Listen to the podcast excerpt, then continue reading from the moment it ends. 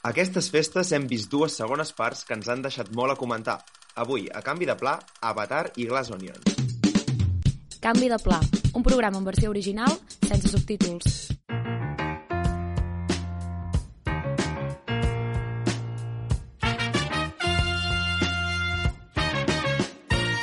Benvinguts, benvingudes a un nou episodi de Canvi de Pla. Recordeu quan vam dir que el de Pixar era l'últim programa de l'any? El problema és que durant aquestes vacances de Nadal hem vist, entre altres, dues pel·lícules que mereixen ser comentades. Avatar 2, El sentit de l'aigua, i Punyales por l'espalda, El misterio de Glass Onion. Així doncs, el Congrés s'ha reunit en sessió extraordinària per parlar-ne i aquí teniu el que segurament serà l'últim programa de l'any de Canvi de Pla. Amb tots nosaltres tenim en Pau Torres. Què tal, com estàs? Hola, què tal, què tal, com anem? Això vol dir que l'hem de penjar ja pràcticament el mateix dia que el gravem, eh? Clar, això vol dir que ah. l'esteu escoltant ara mateix. Exacte. Sí, sempre sol voler dir que l'estan escoltant, si ens senten. Què tal, Edu, com estàs? Bé, bé, bé, bé, bé, bé, bé, bé, amb ganes de criticar una mica tot, eh? O sigui, vinc molt, avui vinc molt Destroyer, eh? O sigui, jo ja... vam veure Avatar junts. Eh, bueno, a veure, Va. si el que es pot dir... És que, bueno, és que clar, moltes coses... Vale, ara, ara hi entrarem, entrarem. Deixa'm saludar el Jan, que ve de la muntanya i de treballar. Jan, com estàs? Hola, bé, estic cansat eh, de veure moltes pel·lícules. No, no, eh, no, estic content, estic content. Vaig anar al cine a veure Avatar, eh, diria, fa un parell de dies, i he vist Glass Onion per, per parlar avui. Per fer Val, deures. doncs, doncs entrem ja, començarem per Avatar. Et deixem avisar que ja farem una mica de spoilers no, en aquest programa. Una mica no molt. Eh, Jo crec que si volem rajar fort, algú se'ns escaparà. D'Avatar no és que tingui massa misteri. De Glass Onion no direm qui mor o qui és l'assassí o qui sigui la cosa, La teniu a Netflix, la podeu veure i després ens veniu. però en principi sí que seria un programa per escoltar havent vist les dues pel·lis. O, Sí. si no heu vist Avatar, avanceu fins al tros de Glass Onion, si és aquesta la que heu vist, i sense més preàmbuls, comencem. abans de néixer i després de la mort. Això és casa nostra!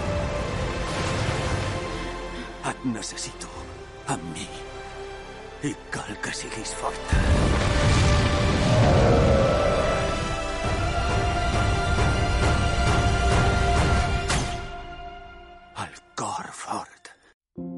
Hores d'ara, tothom coneix ja la franquícia Avatar, la de les bèsties blaves de dos metres d'alçada, dirigida per James Cameron, director de Titanic i Terminator.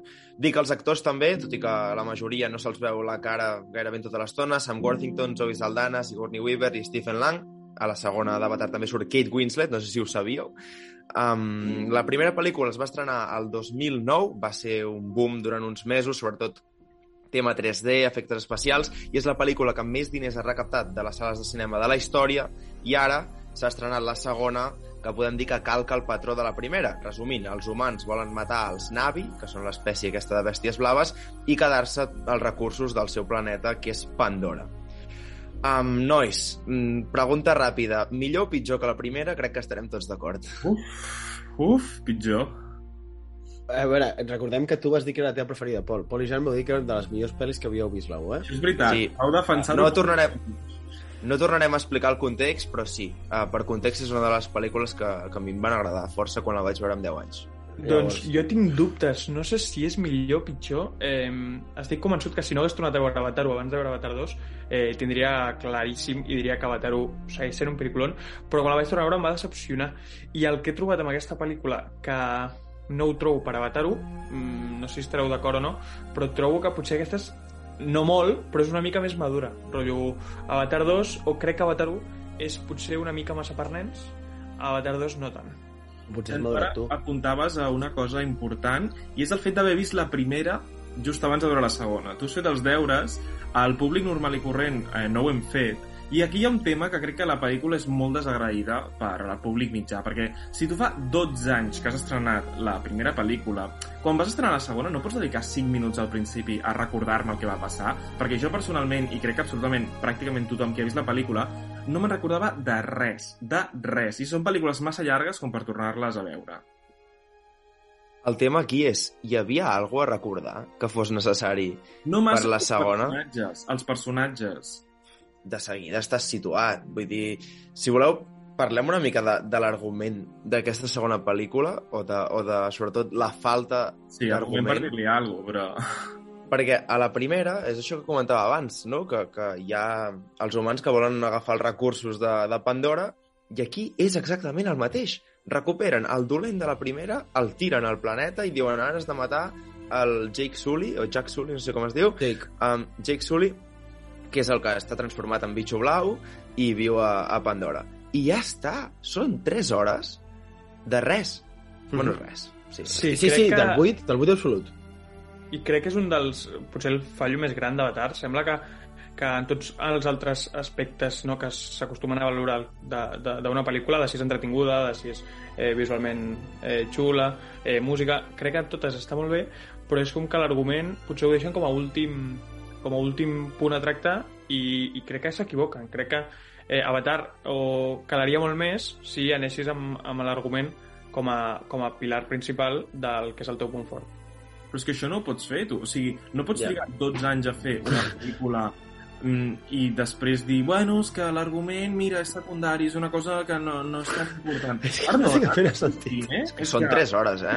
3 hores i quart, 3 hores i quart. No, no, no. Jo vaig haver de sortir per anar a pixar, cosa que no faig mai al cine. Sí, Pau, No, però aquella... això, mala, mala gestió de temps, perquè jo No. no. vaig comprar una Coca-Cola d'un litre per no dormir-me, però vaig jugar a reservar-me-la pel final per no haver de sortir anar al lavabo. home. I jo vaig fer migdia d'abans, vaig ser previsor, perquè són 3 hores i quart, rotllo, si no dormo una mica no aguantaré.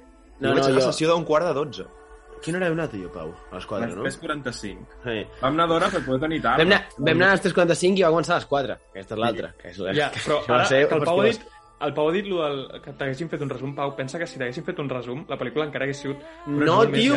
Però si Però em haver-ho explicat si explicat millor. Si em fas un narrador, aprofita el narrador completament innecessari. aprofita el narrador per explicar-me una mica el que ha passat a l'última pel·li i dedica-li 30 segons a ubicar-me a quatre personatges. Jo, honestament, crec que eh, tot, el, tot el que s'han gastat en tots els àmbits que he dit abans, que, on la pel·lícula destaca, crec que eh, no els ha permès eh, fitxar un bon tio que foti un bon guió i que Doncs pugui ja. desenvolupar bé la Però, tio, sembla mentida. Una pel·li que porta 12 anys in the making no pot ser que de sobte no tingui guió i que en venen tres més, tio, que hi ha dos que ja estan fetes.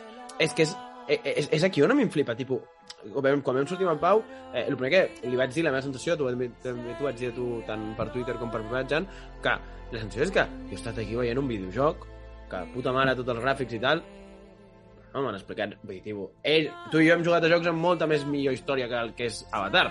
Llavors va ser com, no sé, saps? I, i, i acabo, eh? Però recordo, Pau, tu vas anar al lavabo, jo vaig respondre a mails que jo odio estar amb el mòbil, però com, tio, sigui, no sé, que estic perdent el... Saps, tipus, est- Sí, que, sí, vull sí. dir, què està passant? Saps, no està passant res, són 3 hores i queda molt... Saps, era com, que algú, bueno, i això, hi trobes temps en altres coses. És que el problema no és la duració, el problema és que amb tanta duració no, no tinguis temps d'explicar-me res. Res. Seqüències molt llargues, molt maques, que, que estan molt bé, eh? però que em semblaven una mica una atracció del PortAventura, d'aquelles de 4D que et mouen i que et tiren aigua, ben feta, però, hòstia, El simulador.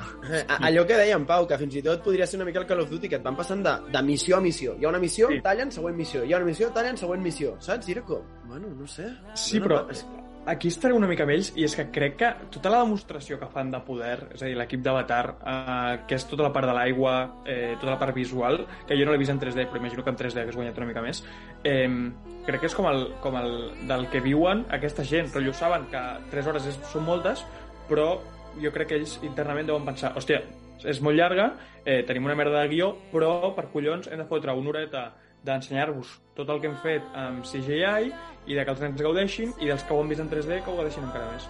però és que no són incompatibles, o sigui, tu pots fer les dues tio. coses. I si no les pots fer, no et dediquis a això, hòstia, és que el cinema és la combinació tota l'estona d'això. James Cameron l'hauran obligat a tallar, i es nota, perquè hi ha escenes, que hi ha seqüències que introdueixen temes que després Sí, no van enlloc més. I això es nota que eh? són tallades de, de la sala d'edició d'escolta'm, no podem fer una pel·lícula de 6 hores. Bueno, James Cameron, ets el director, vols fer 5 pel·lícules, ja ho explicaràs. No, home, ubica't una mica. No estàs fent cinema experimental ni res d'això. Estàs fent una pel·lícula que vols que vegi i veurà absolutament tot el món, que farà... I, no, no, i, i més perquè quan ho ha fet Dune, o sigui, Dune ja ens va dir ara us explicaré una cosa, i la primera, vam parlar com vam parlar del programa, la redundància, la primera de Dune és, bueno, m'he passat dues hores situant-me. Pues, tio, si tens cinc pel·lis, podries haver fet això. Tipo, no passa res, dona'm això, situa'm, crea'm un context, un pretext, que jo pugui anar arribant Però, clar, és que què farà la tercera pel·li? O sigui, la tercera pel·li què passarà? O sigui, No, el, el mateix, el mateix. O sigui, És que- ell agafa aquest patró de venen els humans a atacar-nos i a partir d'aquí doncs, fa el viatge espiritual aquest. Um, és que és calcat. I a més a més, totes les situacions del guió són ultra previsibles. Sí. El, el, amb, amb els joves, quan es fan amics, rivals, um, que tenen com les discussions, l'altre marginat que son pare no li fa cas... O sigui, és tot tan previsible. Algunes frases de guió que dius, s'ha quedat a gust el guionista escrivint això, eh? Allò que enfoca en primer pla. No, tenemos que salvarlos. Bueno, vale. Sí. Eh, eh, Digue-m'ho digue més concretament, que, que no, no me n'he assabentat. Nens, però em sap greu tornar-hi a la comparació amb la primera, però, rotllo... O sigui, recordo la primera i sé que la vaig vendre moltíssim, però la primera no és molt diferent a aquesta segona part, rotllo. Sí que és una mica més curta, sí que també hi ha una demostració visual del que és el planeta Pandora, de les plantes i d'aquests pitufos, però el guió el que dic és que jo, la pel·lícula no m'ha decepcionat tant perquè era una mica el que m'esperava, perquè el guió de la primera no és molt millor que, que aquesta segona. El que passa és Però que almenys és nou, almenys és nou. més, sí. Ah, la primera o sigui- té aquest, aquesta part de sorpresa. No s'hi val, James, copiar. Vull dir, la primera te la compro, però la segona, justeta. I la tercera, que diuen que durarà 9 hores ja... Dir... Tu S'ha que començat a rodar la quarta, ja. S'ha començat a rodar la quarta. Sí, és, és que, que que clar. guapo, tio. Agafarà el Tio. productor, la distribuïdora i diran, escolti'm, això Però jo- com ho portem en sala si dura 9 hores, fill meu? Clar, jo, jo, jo en això no és penso... Amb una també- sonda, amb una sonda. Jo penso en l'Snyder Cut de Justice League, que era una pel·li que la van fer family friendly d'hora i mitja i després l'Snyder, bueno, el- l'Snyder, el director, va dir, bueno, pues, eh, deixeu-me fer com tocava i la va fer com de que eren 4 hores, Jan, crec que és que ho vam Sí, comentar. quatre Eren hores 4 o i 5 hores loquíssimes, però, com vull anar a parar, és que aquelles, jo la- ho vaig veure a HBO, a més hi ha una edició molt xula i tal, valia la pena. Eren 4 hores de dir, aquí hi ha un contingut, puta mare, saps? El problema és que si has fet 9 hores, veient d'aquestes 3, dubto molt que puguis fer un contingut bo. O sigui, eh, eh, va. no sé, tios, és, és, és des, desanimant. Podem parlar un segon del 3D? Perquè ho hem passat una mica Sí, per sobre, sí, però... no, no, no, no, ja Perquè anirem. És un tema d'indústria, eh? ja no és només de la pel·lícula. Jo estic d'acord que Avatar 2 és una pel·lícula per veure en 3D, que és molt espectacular, molt maca, tot el que vulguis, però, però et diré, com a públic estem desacostumats al 3D, perquè jo crec que feia potser eh, 8-9 anys que no mirava una pel·lícula amb aquesta tecnologia i vaig, em va costar 15 minuts adaptar-me, després ja cap problema, eh? però em va costar una mica al principi. Jo, tranquil·lament, l'última que vaig veure en 3D havia estat Avatar 1. Mm. Vull dir... I, a més a més, ho vaig trobar mm, una merda. O sigui, no, no em va agradar gens. A més a més, per la gent que portem ulleres, molesta molt, Crema, jo, molesta molt. jo la imatge del, Pol, del Pau amb la, amb la doble orellera era com, soc un nen petit, És eh? que- però amb el no, no, no, pensava, i- eh, i a pringau. més, Jo la vaig mirar amb, amb tot lo más pepino, eh? Sí, sí, sí. Dolby Atmos, 3D, palomitas de grans. colores... Sí. Sí, Sí. sí, sí, sí, sí. I, Aunque la mona no. se vista de seda... Sí, Sí, sí, es- queda. totalment, totalment. Vull dir, a mi que la balena foti 15 piruetes a 20 I bueno, a la dos pams del meu 85a nas... seqüència de la balena ja, ja ho hem entès, ja té Però molt... és que, i, tam I tampoc mola tant el 3D. A veure, no, siguem sincers, no mola tant. No.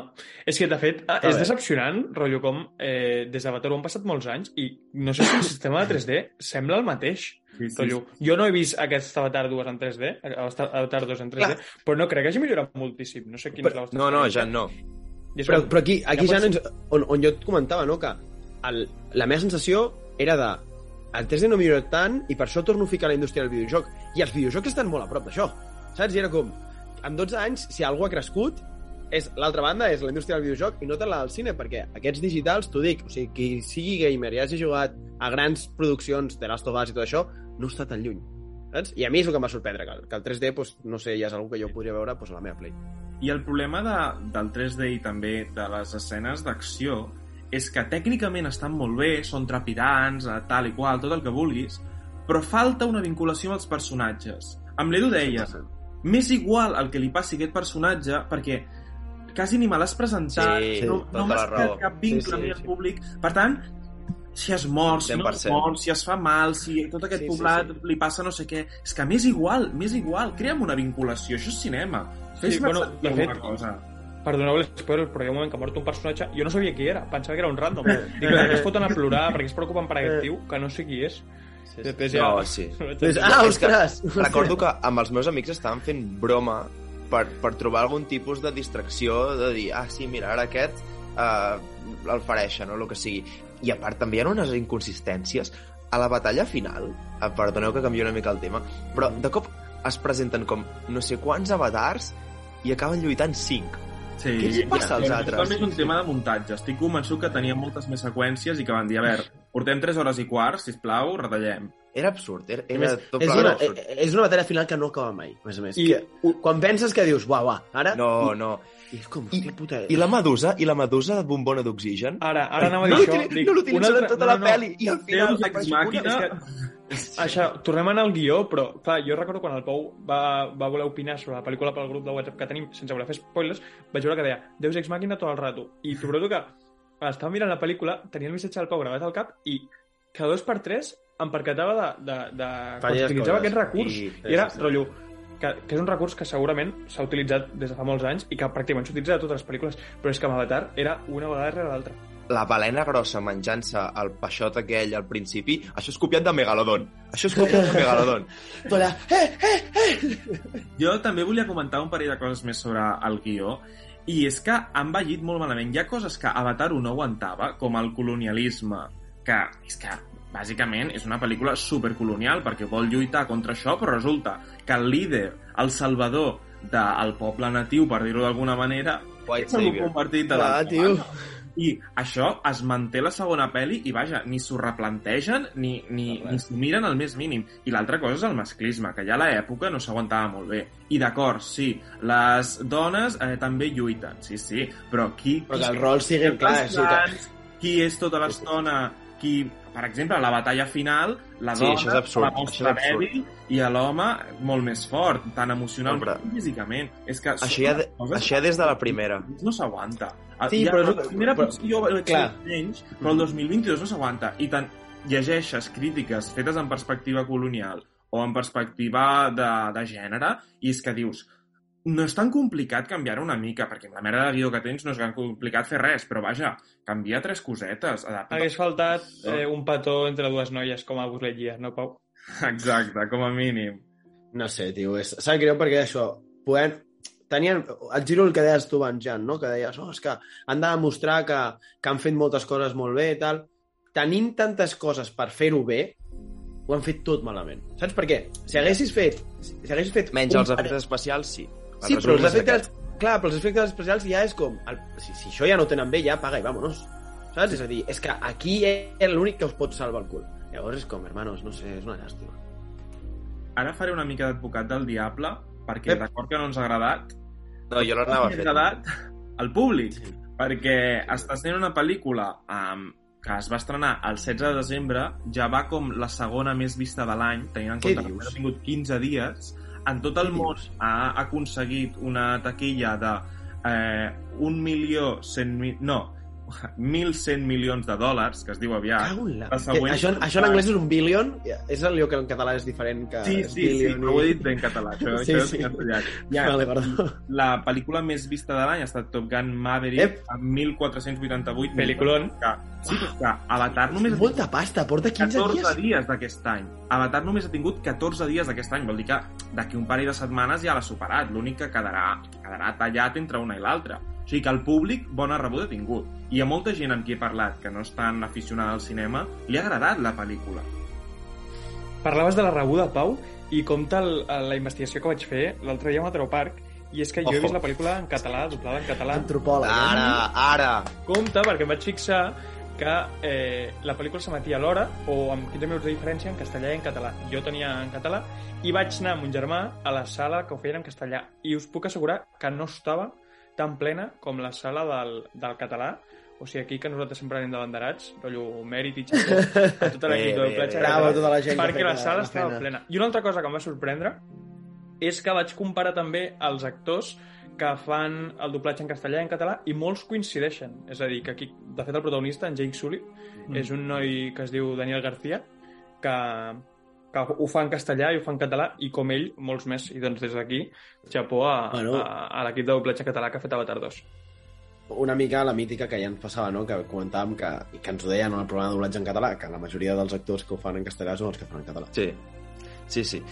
A veure, podem dir el que vulguem d'Avatar, però almenys eh, per la gent que, que ens agrada una mica el cine, estarem contents que les sales s'han tornat a omplir.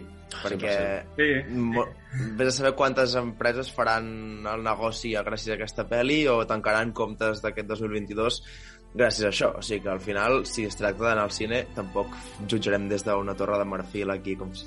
No, torre no, de- no patiu, d'ivori. que, que la Ivori. nominaran a set Oscars i en guanyarà tres, ja us ho dic jo ara.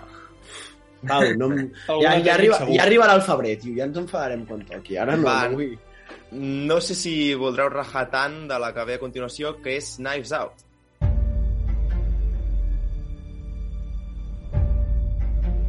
Ladies and gentlemen, This is it. you expected a mystery. Get your hand off of that. You expected a puzzle. But for one person on this island, this is not a game. Canviem completament el to i passem a parlar de Punyales por l'espalda, Knife Out, que és una pel·lícula dirigida per Ryan Johnson, que molta gent està veient aquests dies a Netflix. És la segona entrega d'aquesta franquícia, que té com a protagonista Benoit Blanc, un detectiu privat interpretat per Daniel Craig. Tant la del 2019 com la d'aquest any són pel·lícules policíaques, al més pur estil Agatha Christie, són independents, és a dir, hi ha un misteri que comença i es resol, i l'únic personatge que es repeteix, de moment, és Daniel Craig. Millor o pitjor que la primera, aquesta segona entrega de Knives Out? Pitjor. Ja ho he dit. Jo diria que pitjor, però l'he gaudit molt. Val. Pitjor, però en el bon sentit. No passa Val. res, és una mica pitjor, però està molt bé. Jo, jo vaig sí. patir, eh? O sigui, jo vaig patir durant la primera hora, vaig patir tipus, ai, ai, ai, fins que el guió fa aquestes coses i tal, sense fer spoiler, però la primera hora, perquè com, la primera em va semblar molt xula, com munten com tota l'escena, com et presenten el personatge del Daniel Craig, i aquí era com el muntant, una mica spoiler, el muntant com al principi com molt tonto, molt naïf, saps? I era com, hòstia, quina mandra, tio, amb el que molava el personatge aquest, ara me l'has muntat aquí com si fos el bromes. Llavors, aquí em va costar. Però després, el guió et porta per on et porta i dius, ah, amigo, Jo no m'amago, no, no us he respost abans perquè la primera no l'he vist, però us haig de dir que aquesta m'ha agradat, rotllo, i tinc ganes de veure la primera la perquè primera, si dieu que és la millor. molarà.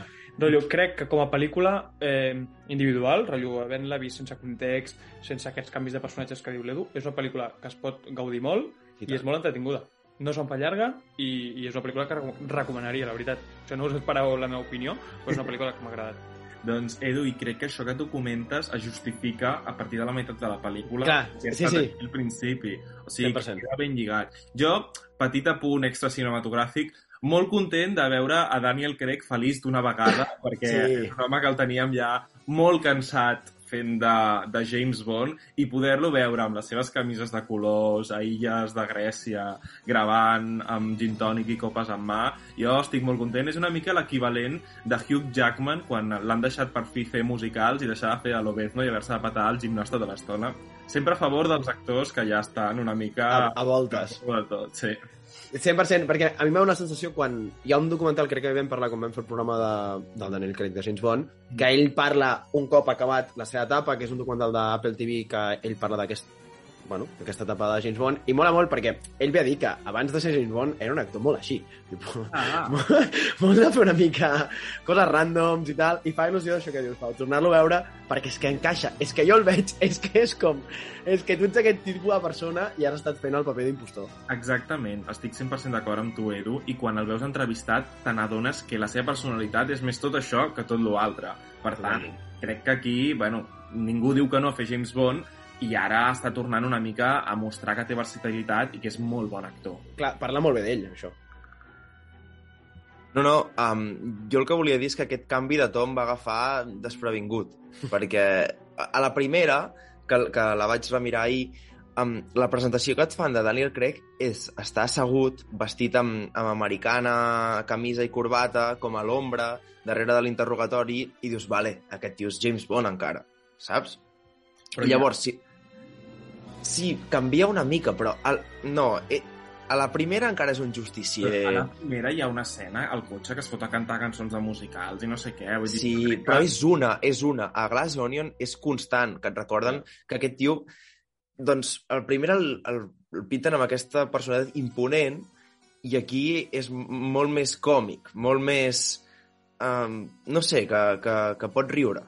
Jo crec que és una evolució natural del personatge, la veritat. Bueno, no, i ha estat tenint una rebuda excel·lent. A Twitter la gent està encantada amb Daniel Craig i, i, i aquest personatge. Volen veure 50 pel·lícules d'aquesta saga. Jo també, jo estic amb Twitter en aquesta.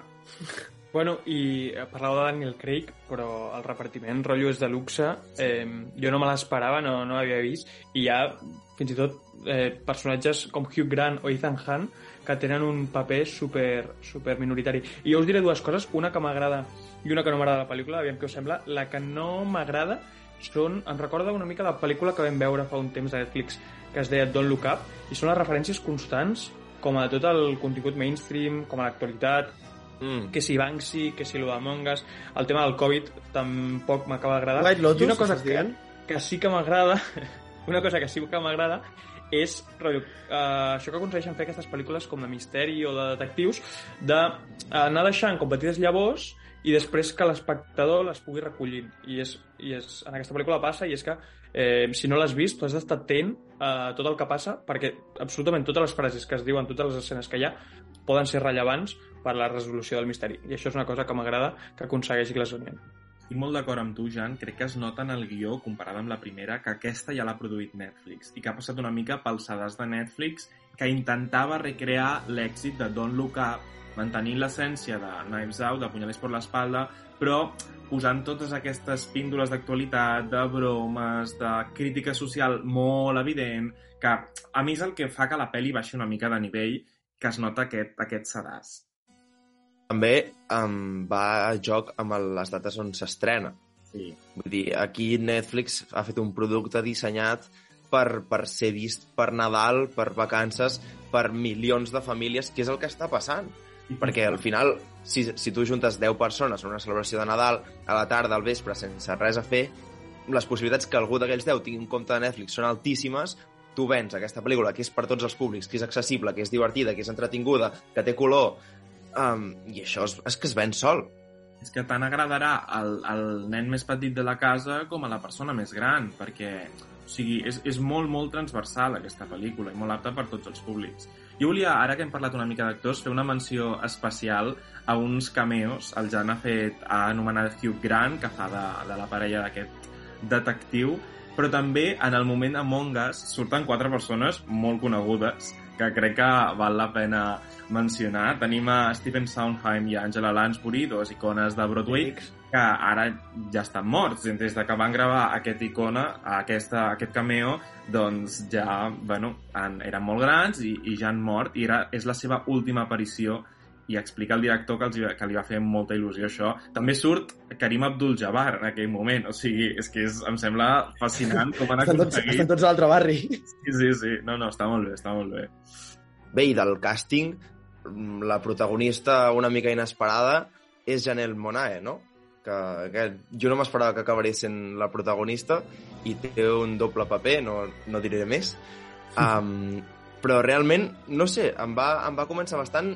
La recordava de Moonlight, que feia de mare i de figures ocultes, però, però va ser com que la, que la... No sé, encaixava molt. Una actriu molt carismàtica que funciona una mica a, aquest, aquest, aquesta dupla amb el detectiu com Anna de Armas a, a la primera pel·lícula, no sé si esteu d'acord, i, i és el carisma dels actors el que tira endavant, sense cap mena de dubte. Sí, però Clar, que, que, durant un temps també pots pensar que la Madeline, la Madeline Klein, que va sortir a... ah, Com es diu la sèrie? Em, Stranger Outer Banks. No, no, Ah. Outer Banks, Outer Banks. enamoradíssim des d'aquell moment. Eh, jo per un moment vaig pensar, si tornen a repetir la fórmula que la Madeline Klein és el, xivo expiatorio com va ser Anna de Armas, em va fer com una mica de, de coratge, ui, que no sigui per aquí, però m'agrada molt com adapten aquest personatge de la, el de la Janelle Monae, que no ho sabré pronunciar, i, i, bueno, i, i com funciona dins de la pel·li. I m'agrada molt que el model d'aquesta franquícia sigui Daniel Craig i llavors un all-star d'actors força reconeixibles, no? Que, que són com també easter eggs de veure qui sortirà entre els cameos i que tots els protagonistes tenen més o menys una carrera consolidada, no sé, també és un altre al·licient per mirar la pel·li. I és una mica homenatge, eh? Perquè jo, hi ha hagut un moment que a la pel·lícula eh, Edward Norton es dirigeix a Daniel Craig com a Mr. Blanc i t'ho prometo que el primer que he escoltat era Mr. Bond i una mica, no? A Daniel Craig, eh, dejen trabajar a Daniel Craig i uh, la resta estem allà per, pel que necessitis. Això que deies, Pol, ja tenim a Twitter tota de gent obsessionada en intentar descobrir la tercera, eh, la tercera pel·lícula, a quin cast tindrà. He llegit algunes de les opcions que més m'han agradat.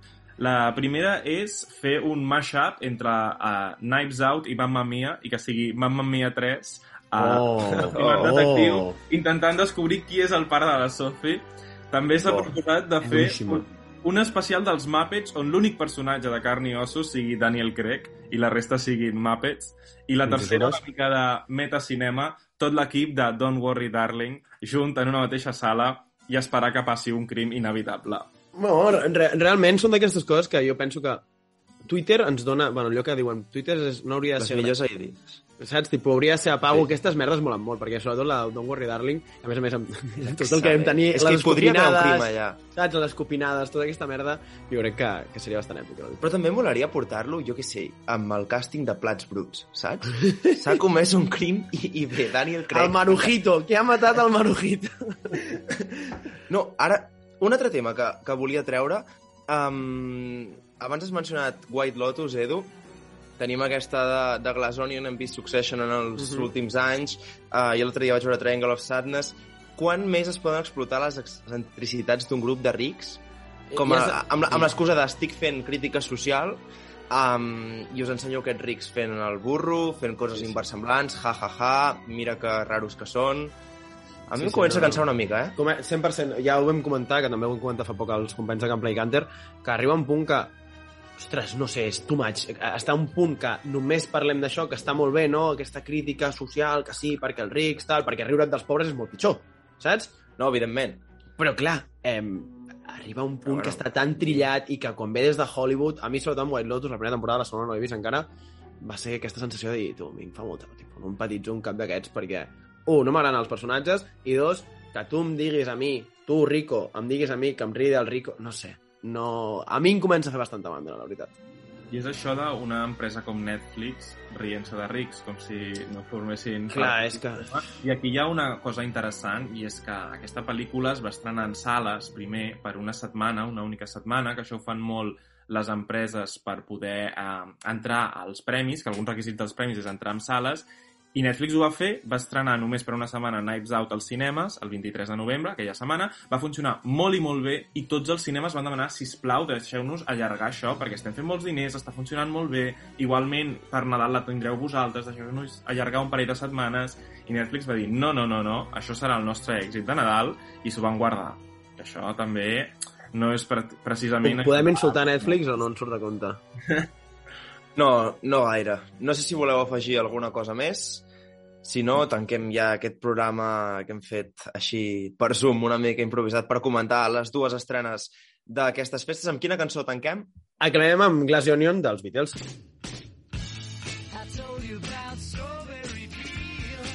Doncs perfecte, tanquem aquí l'onzè programa, és ja, d'aquesta temporada, uh, de la nostra quarta temporada. Moltes gràcies als que ens escolteu a iVoox, Spotify i Apple Podcast, també a tots aquells que interaccionen amb nosaltres a Twitter i Instagram. Uh, ens escoltem a la propera. Fins aviat.